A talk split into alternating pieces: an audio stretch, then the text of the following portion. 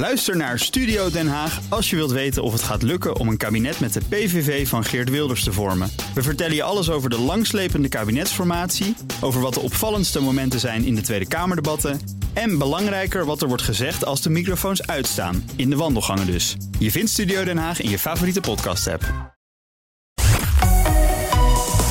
BNR Nieuwsradio. BNR breekt. Geert-Jan Haan. Welkom bij BNR Breekt, de perfecte onderbreking van jouw werkdag. Gisteren heb je ons even moeten missen, maar vandaag zijn we er alweer. Met uh, vandaag hier in het panel Wilbert Vrieling, vicevoorzitter van de JOVD. De jongere tak natuurlijk van de VVD. Fijn dat je er bent, Wilbert. Fijn om hier te zijn. En uh, straks schuift uh, hopelijk ook nog Sharifa Zemouri aan. En we, om half twaalf hebben we weer een weekoverzicht. We bespreken onder andere de verplichte en dure PCR-test... voor reizen naar het buitenland, het BNR-verhaal van deze ochtend. Nederland wil die namelijk niet zomaar gratis gaan aanbieden. En dat zorgt voor kopzorgen in Brussel. Maar we beginnen natuurlijk gelijk met...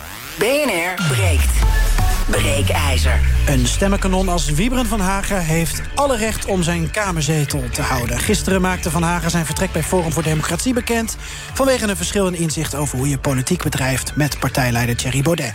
Hij vertrekt niet alleen, hij neemt nog twee Kamerleden mee... naar zijn nieuwe fractie. Wat vind jij? Mag je als afsplitser vertrekken en je zetel meenemen? Is Van Hagen met zijn 240.000 voorkeurstemmen... gewoon de stem van ondernemend Nederland? Of zie je in hem een ordinaire zetelrover... en had hij moeten op, uh, opstappen? Bel me op 020 468 4x0. Dus 020 468 0000.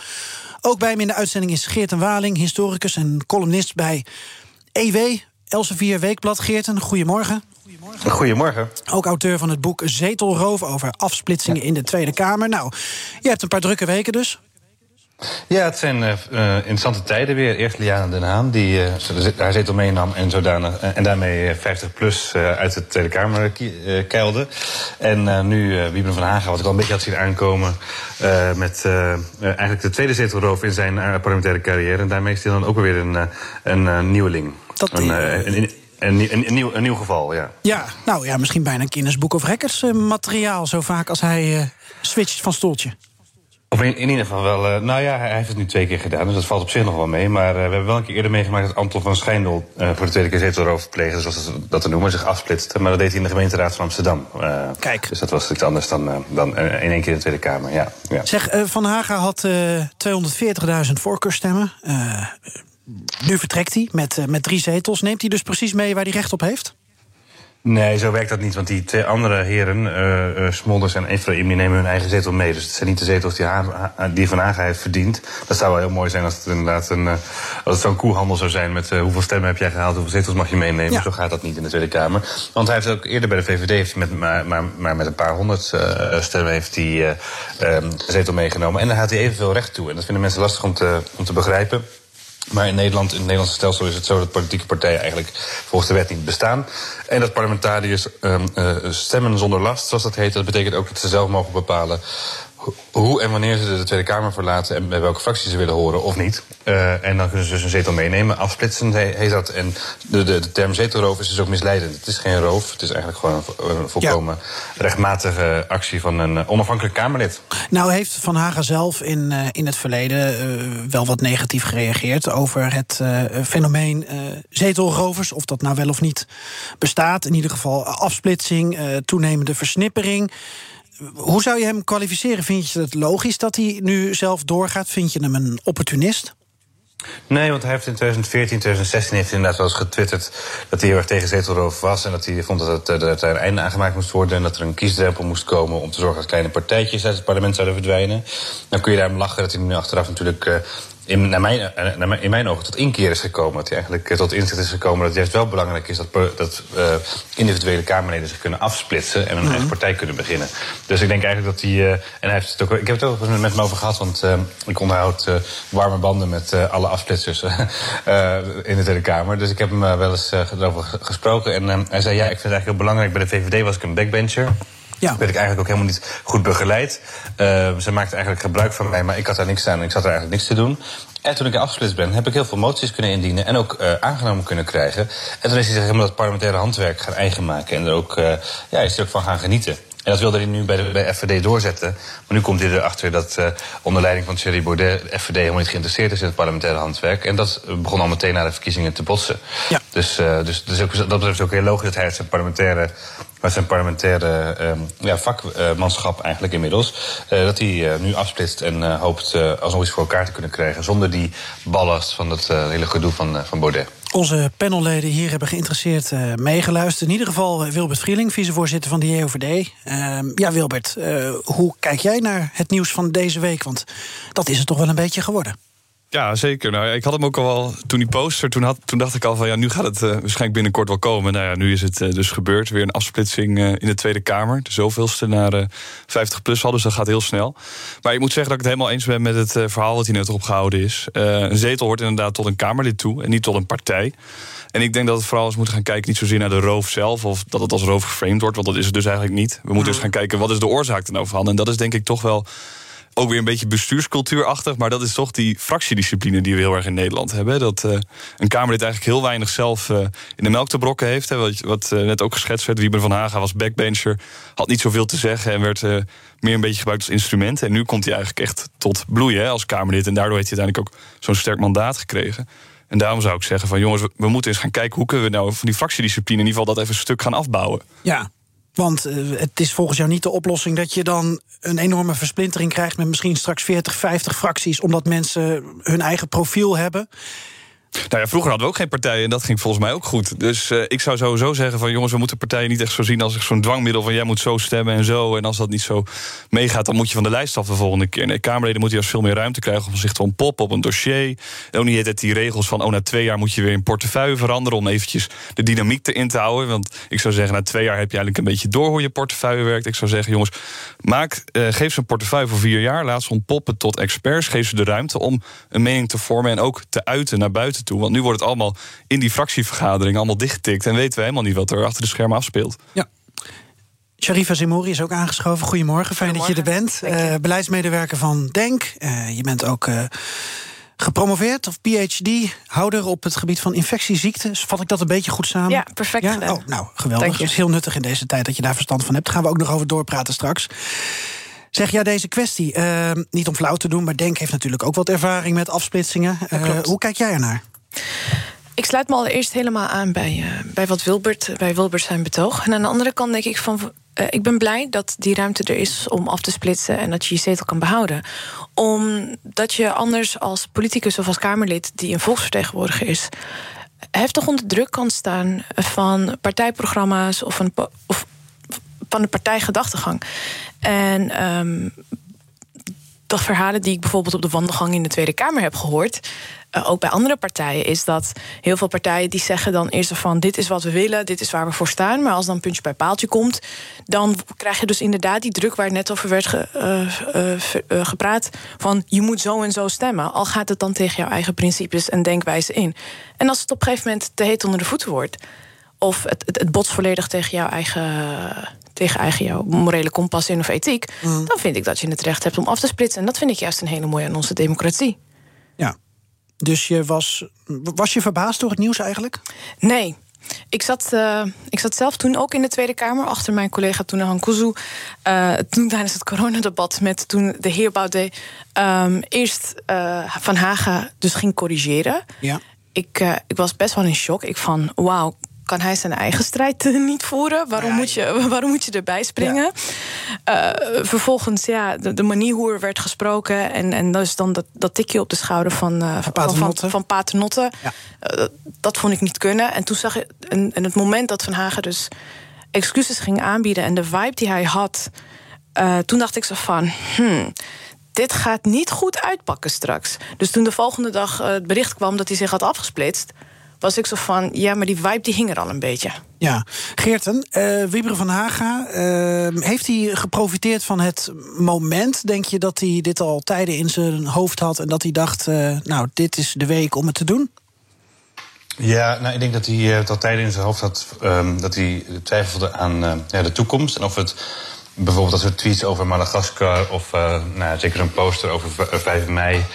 Um, dat, hij, uh, dat hij dacht van nou, dat, dat, dat gaat eigenlijk steeds erger worden. Of het komt steeds weer terug, die ophef. En ik denk dat afgelopen week, vooral afgelopen weekend, het essay van Baudet op de website van Forum, dat dat vooral, hè, dat was dus een, een, een, een vurige verdediging van zijn continue ja, het creëren van ophef. Mhm. Dat het eigenlijk een partijbeleid was. Dat is volgens mij niet besproken met Van Haga. Dat is volgens mij gewoon zo online gekomen. Dat was eigenlijk een klap in het gezicht van Van Haga en ook van Hiddema. En iedereen bij Forum die kritisch was op die ophef de hele tijd. Um, dus dat was eigenlijk een. Uh, toen was denk ik de, dat was denk ik de druppel. En um, het moment zelf op Hemelvaartdag gisteren, dat is denk ik gewoon een rustig medialuw moment. Dat hebben ze met elkaar in uh, goede orde afgesproken, denk ik. Want ze, kwamen, ze kwamen allebei tegelijk met een verklaring, FVD en um, de afsplitsers. Ja. Dus, uh, dus ze zijn, wat dat betreft zijn ze volgens mij uh, in goede orde uit elkaar gegaan. En het lijkt er daarom ook op dat uh, Baudet misschien een beetje opgelucht is... dat hij weer drie kritische stemmen kwijt is in de fractie. Allebei hebben ze veel voorkeurstemmen uh, gehaald bij de Tweede Kamerverkiezingen. Allebei rond de 240.000. Baudet uh, rond de 245.000, dus ietsje meer. Stel, er zouden nu verkiezingen zijn, uh, Geerten. Wie haalt er meer zetels? Oh, dat is een goede vraag. Ik denk uh, vanwege corona uh, en ook de betrouwbaarheid op dit moment misschien wel van Haga. Want die heeft eigenlijk een, een grotere prestatie geleverd dan Baudet. In die zin dat hij op, als nummer twee zoveel stemmen heeft gekregen. Dat de nummer één zoveel stemmen krijgt. Dus op zich logisch. Want de nummer één van een uh, lijst krijgt altijd veel meer stemmen. En ik wat dat betreft is denk ik ook dat Baudet van Haga steeds meer als een bedreiging zag. En als een tweede kapitein op het schip. Want uh, ja, Baudet wil zelf graag, denk ik, een middelpunt zijn en de, en de leider zijn van de partij. En um, die zit niet zo te wachten op een, um, op een uh, even populaire, zo mogelijk nog populairdere uh, figuur naast zich. Dus Zelfde... ook daar is denk ik. Ja, maak je antwoord af. Denk ik een bron, bron, ook daar ligt denk ik een bron voor de, voor de splitsing. Dezelfde vraag hier in de studio. Uh, wie zou het grootste stemmenkanon zijn? Van Hagen. Ja? Ja. ik weet niet, ligt eraan. Want hij heeft natuurlijk nu geen partij meer. En dat is eigenlijk. Ja, ik had net een pleidooi dat ik helemaal daar niet voor ben. Maar je hebt toch een beetje die partij nodig. Hè? De ja, maar de infrastructuur die er wel achter ligt. Je bent de chauffeur zonder vehikel dan. Uh... Ja, maar meer ook die online campagne van Forum is natuurlijk altijd wel heel sterk. En daar kwam Van Hagen ook heel erg sterk naar voren de hele tijd. Dus als je dat helemaal niet hebt, ja, dan wordt het ook wel een stukje lastiger natuurlijk, eh, denk ik. BNR breekt. Je luistert nog steeds naar Breekt met in het panel vandaag Wilbert Vrieling, vicevoorzitter van de JOVD, en Sharifa Zemouri, beleidsmedewerker van Denk. En ook is Geert Waling te gast, historicus en columnist bij EW, het voormalige Elsevier Weekblad. En we hebben het nog steeds over ons breekijzer, een stemmenkanon als Wieber van Hagen heeft alle recht om zijn kamerzetel te houden.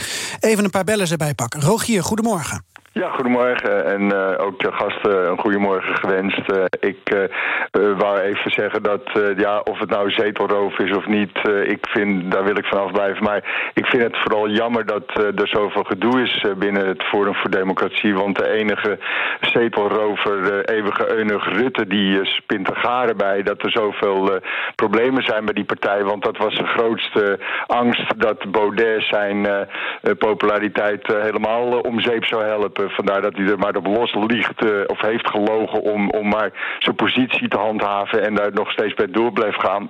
Blijft gaan. Maar dat is dus het spijtige dat het hele politieke veld uh, met al, die, al, die, die andere partijen waar hij zijn steun van krijgt, wat, wat allemaal makkelammeren zijn, ja, daar, schiet de Nederlandse politiek niks mee op. Dus uh, het is heel spijtig wat er gebeurt bij dat Forum voor Democratie. Dankjewel, Rogier. Praten we zo over verder hier met de panelleden. Ik ga nog even naar Martin. En als je ook wil bellen 020 468 4x0, dan kom je in de uitzending. Martin, goedemorgen. Goeiedag Martin. Ik uh, vraag me af of de Tweede Kamer niet zo langzamerhand beter kunnen afschaffen. Want ja, als ik zie wat er allemaal gebeurt, hoe het stemvee geworden is. Wij zijn stemvee om Kamerleden te kiezen. Kamerleden zijn stemvee om het kabinet te steunen.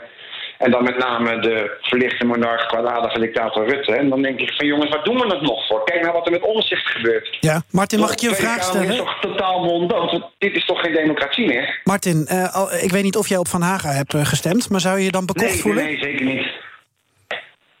En zou je je dan bekocht voelen als je dat zou hebben gedaan?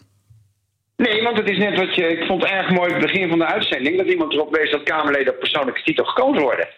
Oké. De partijen van nu zijn zoiets als lijstverbindingen tussen. De lijstverbindingen van nu zijn zoiets als uh, partijen uit het begin van onze democratie. Toen individuele personen zich tot een soort lijstverbinding aangingen en zich tot partijen uh, vormden. Oké, dankjewel Martin voor je opvatting dat je die met ons uh, wil delen.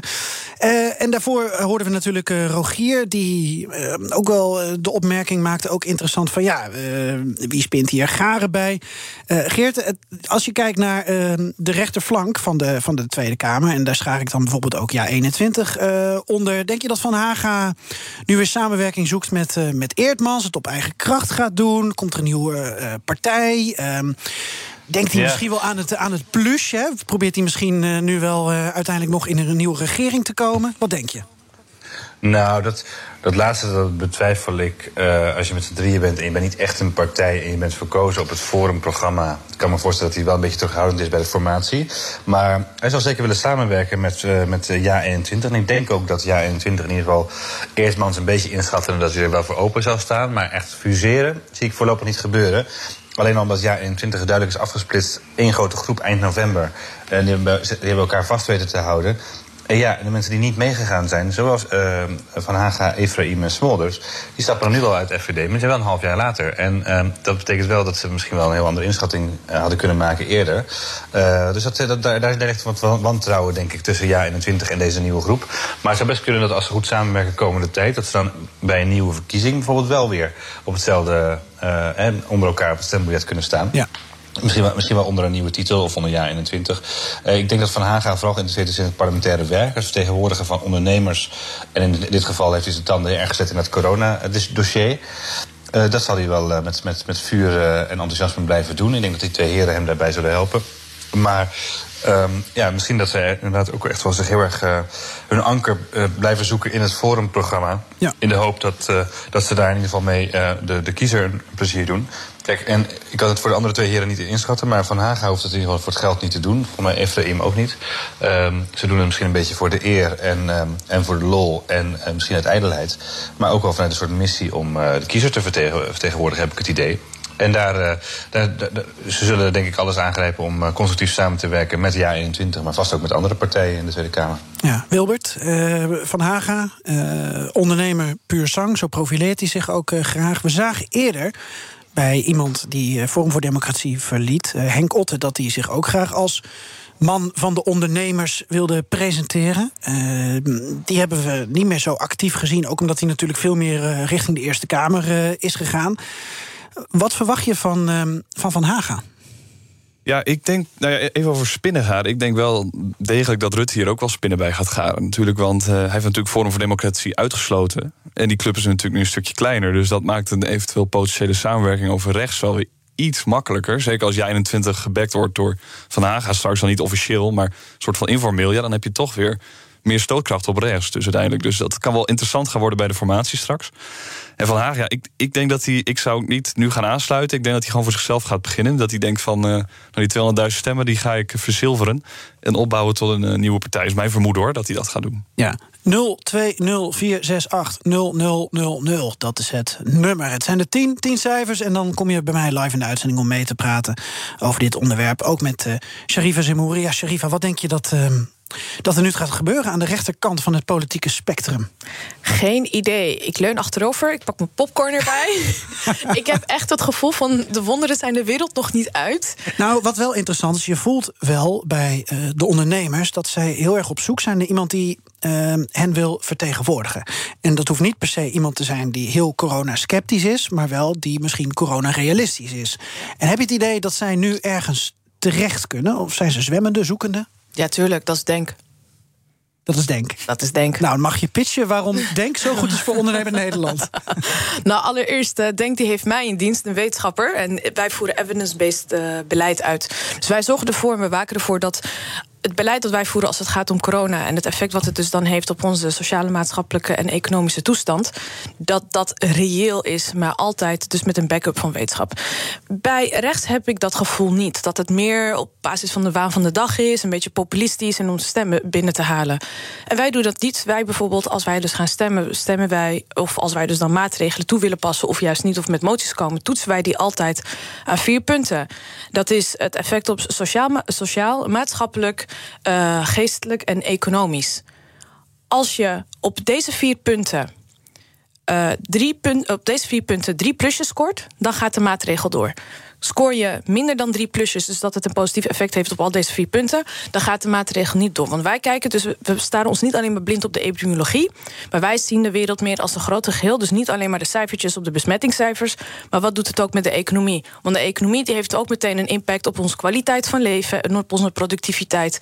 En dat vertaalt zich in heel veel andere aspecten. Oké, dus Denk staat voor het totale plaatje en dat zou dan ook ondernemers moeten aanspreken. Wilbert, nou kom maar als JOVD, gelieerd aan de VVD, kom maar met jouw pleidooi. Nou ja, volgens mij zijn ondernemers hebben altijd een warm thuis bij de liberale families. Volgens mij. Dat uh, staat altijd voor een kleine overheid, weinig nou, lasten. Er zijn er toch heel wat die gestemd hebben op uh, jaar 21 Forum, andere partijen. Zeker, ja, tuurlijk. Maar dat, die uh, omarmen natuurlijk ook lichtelijk de liberale traditie. De ene wat meer dan de ander, hoor, moet ik zeggen. Het Forum is ook wel behoorlijk conservatief. Maar uh, vooral die liberale familie die erachter zit... van de kleine overheid te lage last. En daar zijn ondernemers volgens mij altijd echt thuis. Uh, ik associeer Denk en andere linkse partijen... toch altijd met een hele grote overheid... met heel veel regels en vooral hele hoge lasten. Ik moet altijd nog denken aan het PvdA-programma van de laatste Tweede Kamerverkiezingen... met die enorme lastenverhogingen voor ondernemers en het MKB. Ja, dan, dan ga je er niet uitkomen met elkaar, hoor, uiteindelijk. Dus ik zou lekker, als ik een ondernemers was, toch aan de, in de liberale familie blijven. Om het ja, nou, daar ben ik het niet mee eens. Ik denk van dat we deze hele politiek... dat we dat los moeten trekken van het politiek spectrum... van links-rechts, maar dat we juist heel pragmatisch en progressief moeten zijn. Dat heb je ook bij denk Op sommige uh, aspecten zijn we liberaal... en andere aspecten zijn we socialistisch. Snap je? Dus ik, ik ben, wat, wat ik vanzelf denk, van trek je los van het hele links-rechts systeem. Ja. Wees dynamisch, want de wereld is dat ook. En voer maatregelen of beleid door wat pragmatisch progressief is. En past bij waar we in zitten. Geert de Waling, uh, zou het wel zo kunnen zijn? Of het nou, he, ondernemers zijn links, zijn rechts, uh, zijn wel geïnteresseerd, niet geïnteresseerd. you name it, in alles en nog wat. Dat Van Haga ehm, het ondernemerschap wel keer op keer agendeert in de Tweede Kamer. Is dat wel een verrijking voor de Kamer en voor de politiek? Nou ja, dat kun je eigenlijk pas echt beoordelen. Dat kan de kiezer pas beoordelen bij de volgende verkiezingen natuurlijk. Um, maar uh, ja, ik denk wel dat uh, wat ik hoor, zo geluiden in het publieke debat de populariteit van Van Haga op zich uh, bij de afgelopen verkiezingen verklaart wel, of uh, zegt wel dat hij uh, een bepaalde groep aanspreekt. En ik hoor inderdaad veel ondernemers die toch wel heel erg lijden onder de coronamaatregelen bijvoorbeeld, of onder andere maatregelen van het kabinet waar de VVD met Mark Rutte eigenlijk de, de, de, leiding aan geeft, dat, dat die ondernemers zich niet meer thuis voelen bij de VVD. En dat die dan heel blij zijn dat ze zich bij iemand Van Haga voorheen Forum voor Democratie dan uh, konden uh, aansluiten. De vraag is natuurlijk of die, hij is vast niet de enige die ondernemers voorop stelt. Maar hij heeft wel blijkbaar een toon gevonden en een aantal pijnpunten gevonden waar, waar bepaalde kiezers, zoals die ondernemers, nog niet voldoende op werden vertegenwoordigd. Tot zover ons breekijzer en dank dat je dit half uur bij me was. Geert en Waling, historicus en columnist bij EW als Vierweekblad... en ook auteur van het boek Zetelroof... waar, uh, nou ja, wel of niet een nieuw hoofdstuk bij komt... dat is nog even de discussie. Zometeen praat ik met mijn panel over de rol van slechte ventilatie... bij de verspreiding van het coronavirus. Wordt die structureel door het RIVM onderschat? En natuurlijk het weekoverzicht. Tot zo. Ook Bas van Werven vind je in de BNR-app. Ja, je kunt live naar mij en Iwan luisteren tijdens de ochtendspits. Je krijgt een melding van Breaking News. En niet alleen onze podcast Ochtendnieuws, maar alle BNR-podcasts vind je in de app. Download nu de gratis BNR-app en blijf scherp. BNR Nieuwsradio. BNR breekt. Geert-Jan Haan. Welkom terug. Vandaag in mijn panel Sharifa Zemouri, beleidsmedewerker van Denk en Infectie. Ziektekenner, zo staat het echt hier, Sharifa. Maar het klopt ook, hè? jij uh, yes. bent uh, PhD-houder. Doe je nu het onderzoek? Promoveer je momenteel of ben je er klaar mee? Nee, ik was uh, vorig jaar al klaar. Oh, wat een goede timing, hè? Ja. Met corona. Ik had corona gepland. Ja, zeg het niet hard. En Wilbert Vrieling is hier ook vicevoorzitter van de JOVD... de jongere tak van de VVD. Fijn dat je er bent, Wilbert, nog steeds. En zoals altijd op vrijdag starten we met een weekoverzicht... Het was de week van de radicale ideeën. Premier Rutte schoof maandag aan bij Nieuwsuur om ze te delen... en de verwachtingen waren hoog gespannen. Ik ben hier niet gaan zitten om krampachtig mensen te overtuigen. Ik ben hier niet gaan zitten om excuses voor te maken of boete te doen. Ik ben trots op heel veel de afgelopen tien jaar. Ik ben lijsttrekker van de VVD. We zijn veruit de grootste partij uh, geworden... met tien zetels afstand op nummer twee. Ik had 2 miljoen voorkeurstemmen. Het is toch eigenlijk als ik nu zou zeggen, stap op. Maar lang niet iedereen was onder de indruk van Rutte's plannen. Nou, ik, ik, ik heb weinig radicale ideeën gehoord uh, van Rutte. Volgens mij is hij bezig op zijn hachje te redden. En daarvoor uh, doet hij van alles. En uh, ik vind het allemaal niet zo overtuigend. Caroline van der Plas van de Boer-Burgerbeweging vond het vooral jammer dat haar radicale ideeën niet worden omarmd. Nee, het is allemaal niet zo radicaal. Dus, uh, en het eerste radicale idee uh, wat hier geopperd werd, dat is uh, afgeschoten. Dus de WhatsApp-motie bijvoorbeeld. En dinsdag werd de knoop doorgehakt. Vanaf 19 mei kan er verder versoepeld worden. Op de persconferentie heerste een optimistische stemming. Alles wijst erop dat we goed op weg zijn naar een mooie zomer. Die vrijheid zit in de lucht. En een mooie zomer kan het zomaar worden. Ja, een mooie zomer volgens de jongen, tenzij er op de pauzeknop wordt gedrukt. Want mocht het onverhoopt toch tegenvallen... dan zullen we volgende week maandag alsnog op de pauzeknop drukken. Woensdag kregen we een nieuwe informateur. Mariette Hamer van de Sociaal-Economische Raad volgt Herman Tjenk Willink op. Dus weer iemand van de PvdA. Volgens PVV-leider Wilders was alles al van tevoren... in de achterkamertjes bekonkeld. Het debat, de uitkomst, staat bij voorbaat al vast... en dat toont aan wat een enorme fars en een poppenkast de politiek in Nederland is geworden. Wat een onzin. Wat een totale onzin. En het was tot slot ook de week waarin de spanningen in de Gazastrook hoog opliepen. Dit geluid was op veel plekken te horen.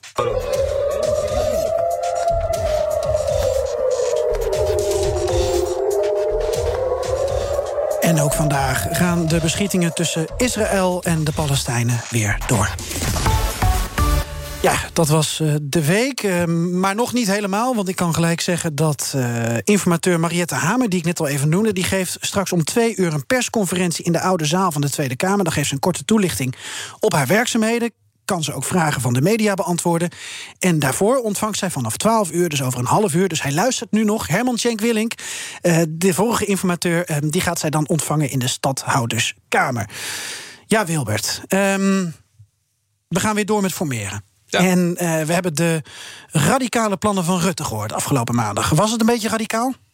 Ja, kijk, radicaal zou ik het niet zo gauw noemen, nee. Maar ja, goed, dat, zo ken ik Rutte ook niet helemaal. En ik had het ook niet een beetje gek gevonden. Kijk, die man zit nu al tien jaar, is hij onze premier. En het zou een beetje gek zijn als je natuurlijk gaat zeggen... dat wat ik de afgelopen tien jaar heb gedaan was allemaal slecht... en ik ga nu radicaal anders doen. Het zou natuurlijk heel gek zijn. En we moeten ook natuurlijk niet vergeten... een jaar geleden was hij nog de grote staatsman. Heeft ook de verkiezingen weer gewonnen. Dus ik vind het allemaal een beetje selectieve verontwaardigheid. Ik had liefst natuurlijk als jongere wel wat meer nieuw... ja, wat meer visie gewild. Bijvoorbeeld, ga eens een keer voor zo'n minderheidskabinet... Of gaan ze kijken, nou ja, hoe kan je binnen de partij misschien zorgen dat er een sterk persoon naast Rutte komt te staan. Want dat is natuurlijk ook een beetje wat mis momenteel. Dat had ik wel graag willen horen, maar ik snap ook wel vanuit zijn perspectief van ja, ik ga nu niet mijn tien jaar premierschap even zo overboord gooien omdat de oppositie dat zo graag wil. Oké, okay, Sharifa? Ik mis flexibiliteit. Flexibiliteit? Ja, ik mis flexibiliteit in de zin van... Um, de wereld is dynamisch en alles verandert heel snel. En corona die heeft daar nog eens de slag over geslagen. En om dan te zeggen van... ja, ik ben al tien jaar premier, premier en ik doe het al tien jaar op mijn eigen manier... en ik zit vast in dit systeem, dus ik ga op, deze voet door... Uh, dat vind ik heel rigide.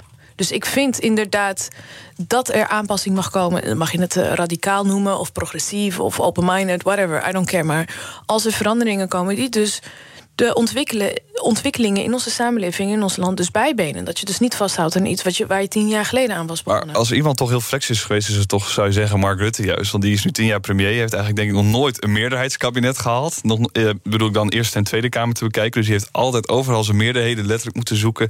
Echt behoorlijk flex moeten zijn. Ook dan in dat regeerakkoord wat hij heeft gesloten met bijvoorbeeld Rutte 2 met de constructieve 3. Dat getuigt toch wel van, hey, hij kan over links en rechts die meerderheden vinden. In het verleden ook met Kunduz, dat hij met GroenLinks die Afghanistan-missie eh, voor elkaar kon krijgen. Dat getuigt toch in mijn ogen wel wat van wat flexibiliteit. Sharifa blijft stil. Of is dat heel rigide en ik blijf in nou, hokje? Volgens mij niet, toch? Uh, kijk, weet je wat het is?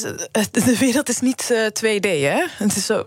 Dus hoe jij het bekijkt, dat is ook een onderdeel van de waarheid. En hoe ik het bekijk, is ook een onderdeel van de waarheid. Dus je hebt een verschillende interpretatie van, uh, van wat radicaal is, wat ja. verandering teweeg kan brengen. Maar het is, het, geen van die antwoorden die zijn fout, want we, want we benaderen het van, vanuit verschillende.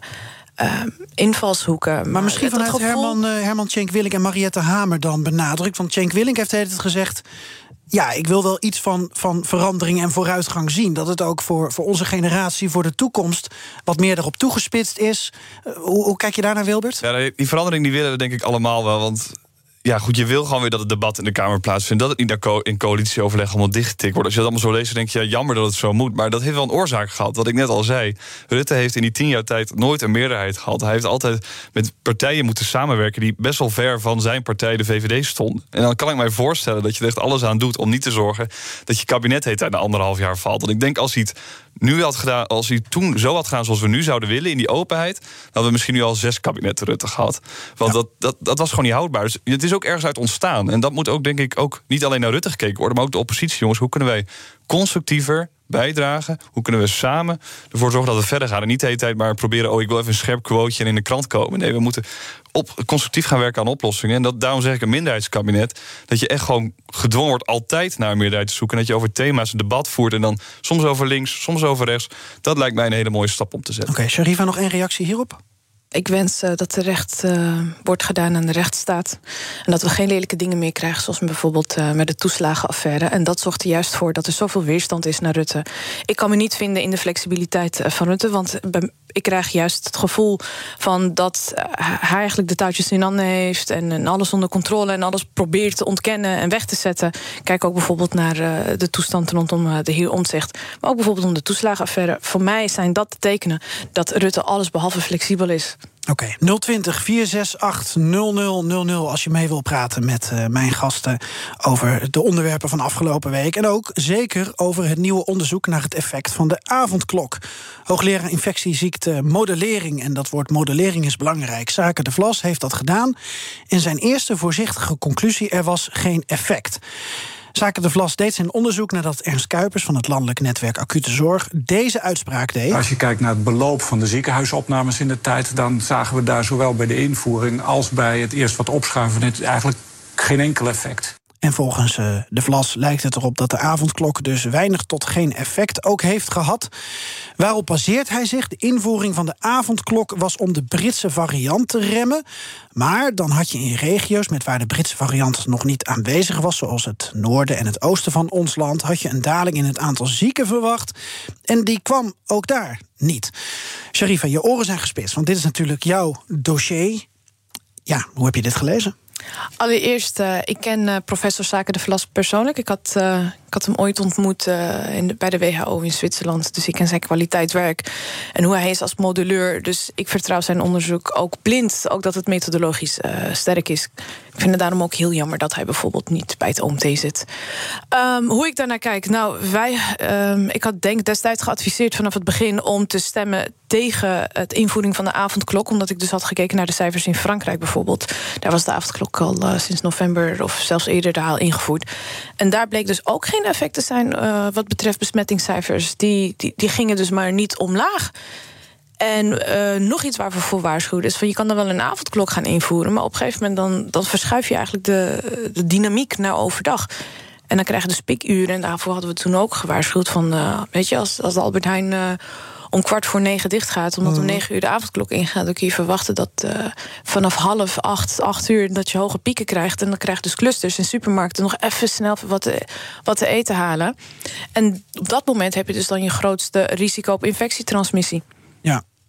Het is allemaal wel heel erg ingewikkeld, hè, Wilbert, als je er niet voor gestudeerd hebt. Zeker, maar ja, ik bekijk het ook meer vanuit mijn maatschappelijke bril dan de wetenschappelijke bril. En dan zie ik wel een effect van de avondklok. En dat is dat gewoon jongeren onevenredig hard geraakt zijn eh, door die avondklok. Hè. Want ja, je hebt al ja, de gemiddelde jongeren hebben gewoon een klein studentenkamertje. En de enige uitgang was die avondwandeling met een vriend. Of even een kopje koffie doen tot bij iemand of een biertje. Maar dat, ja, dat komt. Nou ja, tot negen uur. Ja, dat maar, komt tot negen uur. Ja, maar goed, als, je kent de studenten die eh, moeten de hele dag studeren meestal. Kijk, een werkende persoon die is om vijf uur klaar. Je gaat kan naar zijn huis avond toe. studeren, je kan het omgooien. Dat zou kunnen, maar je hebt in de middag ook colleges. Hè? Dat wil ik wel even gezegd Studenten zijn flexibel. Ja, maar... Nee, ik denk dat het meer iets psychologisch is. Het Ja, feit dat je goed. weet dat je na negen uur... dus je zegt de avondklok heeft al een effect gehad... maar dan bedoel je dus een negatief effect op de psyche van de jongeren. Nou, ik bedoel meer van, kijk, als je kijkt.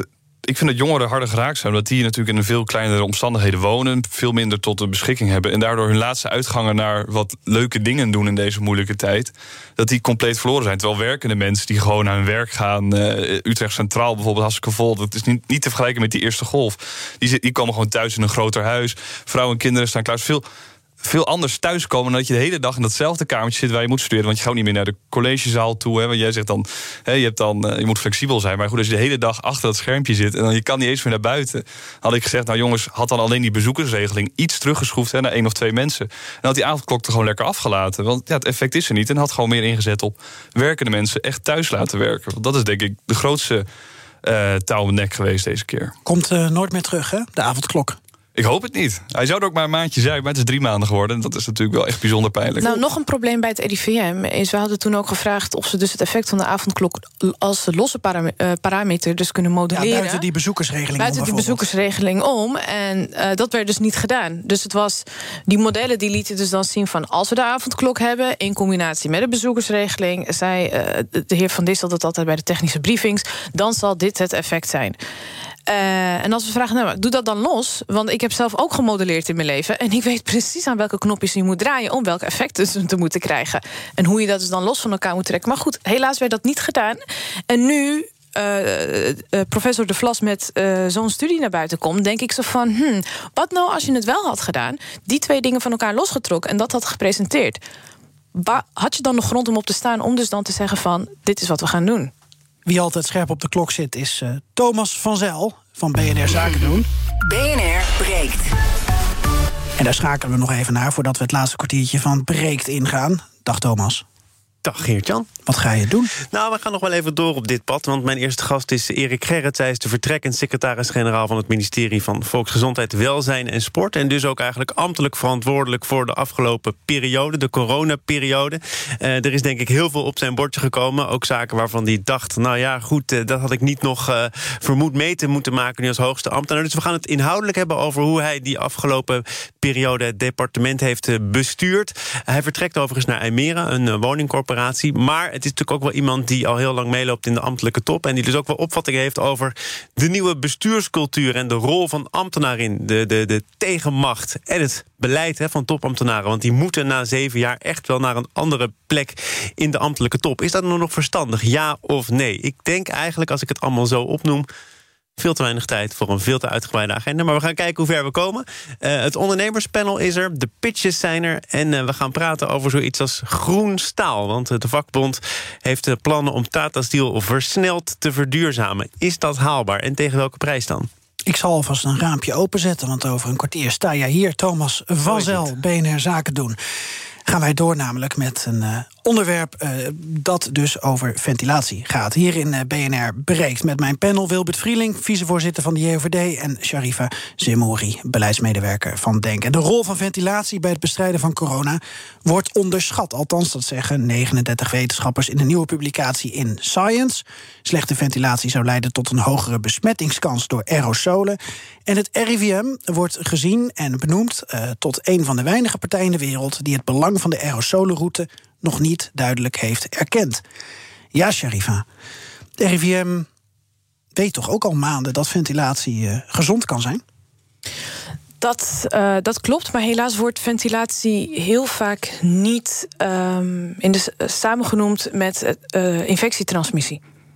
Dus er zijn dan natuurlijk richtlijnen bij het RIVM. Dat gaat over ventilatie, maar dat is meer voor dat je dan geen hoofdpijn krijgt en dat, dat, je een gezonde leefomgeving hebt. Maar niet in relatie tot infectietransmissie.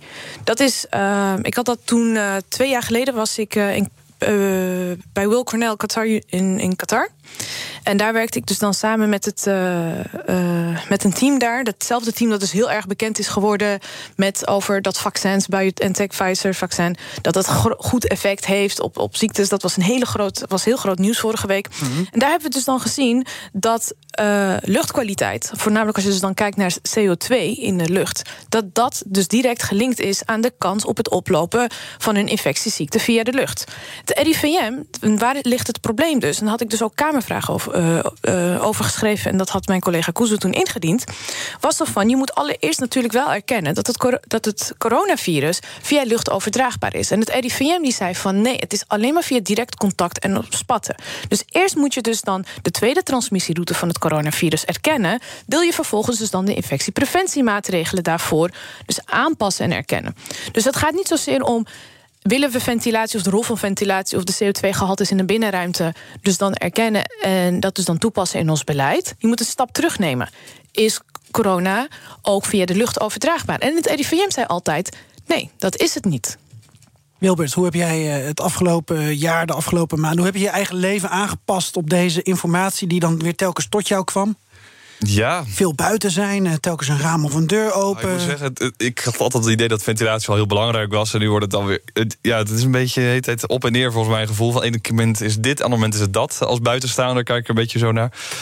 Um, ja, ik heb meestal inderdaad wel een raampje open inderdaad. En ook altijd als wij bijvoorbeeld toen het weer even mocht... vanuit de vereniging hadden wij ook gewoon gezegd... vanuit de JOVD van ja, als je een keer weer wat wil organiseren... let op die ventilatie inderdaad. Wij hadden dat in ieder geval altijd al wel meegenomen. Maar blijkbaar zit er toch weer een iets ander perspectief aan... hoor ik nu weer net. Dus uh, goed om te weten. Maar ja, ik vind het vooral altijd zo jammer... als ik het dan zo lees dat RIVM dan zo direct zo in de verdediging schiet... dan denk ik van jongens omarm het juist of ga met elkaar daarover in gesprek... en bied dan een advies aan aan het kabinet... en laat die die politieke keuze maar maken, laat die die discussie voeren. Maar ik vind niet dat de wetenschap met elkaar met de koppen tegen elkaar moet staan. Dat lijkt me niet goed voor het vertrouwen. Doen we nog even snel een rondje op de socials. Trending op Twitter zijn onder andere hashtag Israël-Palestina en genocide in Gaza. Ook trending Maurice de Hond, natuurlijk vanwege het nieuwe onderzoek naar aerosolen... waar hij ook een track record uh, in uh, pretendeert te hebben.